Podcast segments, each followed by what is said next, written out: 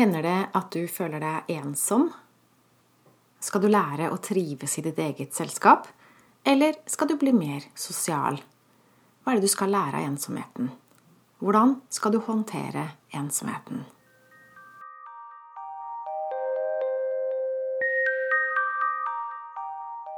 Jeg heter Line Strandvik. Jeg jobber online som personlig veileder, hvor jeg hjelper deg tilbake til sannhet, hvor livet er ekte og meningsfylt. Så i dag skal jeg snakke om ensomhet, og det har jeg gjort før. Jeg har laga en video som heter 'Hvordan takle ensomheten etter skilsmissen'. Den ligger på YouTube, og den ligger på bloggen min. Så hvis du går inn på min webside i søkefeltet, det lille forstørrelsesglasset, skriver 'ensomhet', så vil du komme til den. For ja, vi kan oppleve ensomhet etter skilsmissen. Og kanskje spesielt når barna er hos den andre forelderen. Men vi kan også oppleve ensomhet i samlivet, tosomhet. Og vi kan oppleve ensomhet sammen med mennesker generelt. På arbeidsplassen, i venneflokken. Og det kan kanskje være enda mer ensomt å føle seg ensom sammen med noen. At man føler seg utenfor og ikke klarer å få kontakt, ordentlig dyp kontakt med andre mennesker. At det blir litt overflatisk. Jeg tror det er mange mennesker i dag som føler på ensomhet, og antageligvis spesielt i disse koronatider med sosial avstand og masker og eh, ja, mange jobber hjemmefra.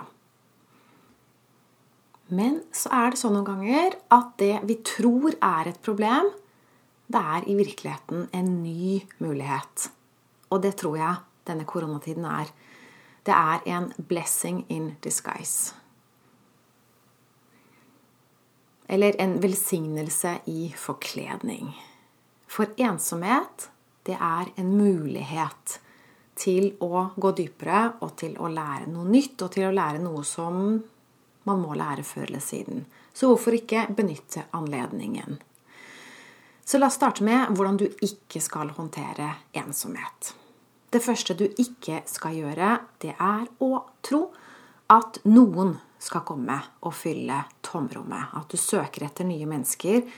En ny kjæreste, en ny venn. At du bruker litt for mye tid med barna dine. Kanskje litt omklamrende kan det være for dem. Eller at du oppsøker foreldrene dine, eller at du går nye veier. Du tenker at kanskje det kommer noen ånder eller romvesener eller et eller annet som, som skal hjelpe deg. Uansett, du søker et nytt, um, en ny sjel, et nytt menneske. Noen som kan fylle ditt indre tomrom. Men det vil ikke funke. I verste fall så møter du en som tapper deg enda mer. Så hvis du har opplevd det, at du søker etter nye mennesker, men det ikke lykkes, så er det kanskje en grunn til det.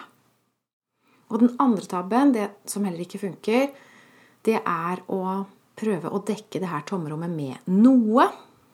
Og f.eks. mat, alkohol, røyk, eller det kan være TV, sosiale medier, Internett, eller det kan være jobben din, at du jobber veldig mye, eller at du kaster deg inn i en ny hobby. Hobby kan jo kanskje være positivt, men alt det her, det kan være distraksjoner. Alt det vi gjør, og alt det vi spiser og putter i oss, alt det vi tenker Vi skaper bare nytt støy. Vi skaper en tykkere barriere mellom oss selv og det vi egentlig savner og trenger. Du kan ikke fylle tomrommet med noen eller noe men pass på at ikke du gjør den tredje tabben, og det er å resignere. At du bare gir opp. Du lever alene. Eller i ensomhet. Det å være alene og være ensom er ikke det samme, men du lever i ensomhet resten av livet fordi du ikke vet bedre. Og det er å gi opp. Det skal du ikke gjøre. Vi mennesker vi er skapt til å leve sammen. Gode relasjoner, det er gull verdt. Så du skal ikke gi opp. Smerte og ubehag, det skal ikke tåles. Det er føringer som skal lede oss inn i et bedre liv. Livet skal ikke være vondt. Det er kun vondt hvis du lever feil. Hvis du opplever noe som vondt, noe som føles feil, så betyr det at det finnes noe annet som føles riktigere. Så løft blikket og se etter det. Så nå som du vet hva du ikke skal gjøre, så håper jeg du er åpen for å høre hva du skal gjøre. Og noe mange spør seg, er skal jeg lære å være alene? Er det det, er det det jeg skal lære av det her? Eller skal jeg lære å være mer sosial? Det kan jo være litt forvirrende. Hva er det man egentlig trenger å lære her? Noe er det. Og jeg vil si begge deler. Begge deler, men det skal gjøres i riktig rekkefølge. Start med å gå inn i deg selv. Start med å være alene. Ensomhet det handler om savn. Og hva er det du egentlig savner? Det du egentlig savner, det er å klikke på plass i deg selv. Og komme i balanse med deg selv. Komme nærmere deg selv. Og det her er ord, kanskje litt kryptiske ord, som ikke helt gir mening. Men kanskje det føles litt kjent allikevel og høres litt riktig ut.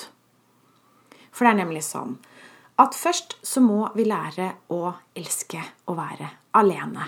Elske å bare være tilstedeværende med oss selv. Finne ut av hvem vi er.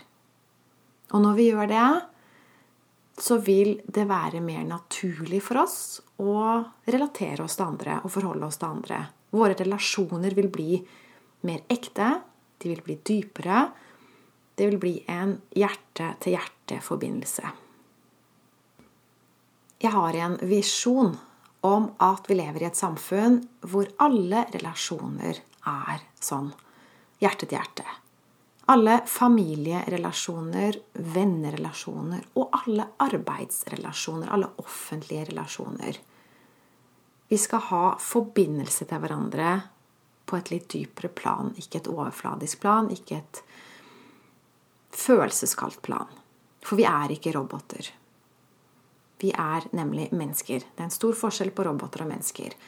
Og i dag så er det mange som lever litt for mye som roboter. Vi lever litt for mye oppi hodet.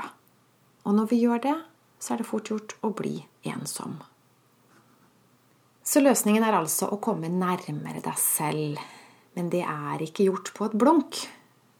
Det er som å skrelle en løk. For å komme inn til kjernen så er det mange lag du må igjennom.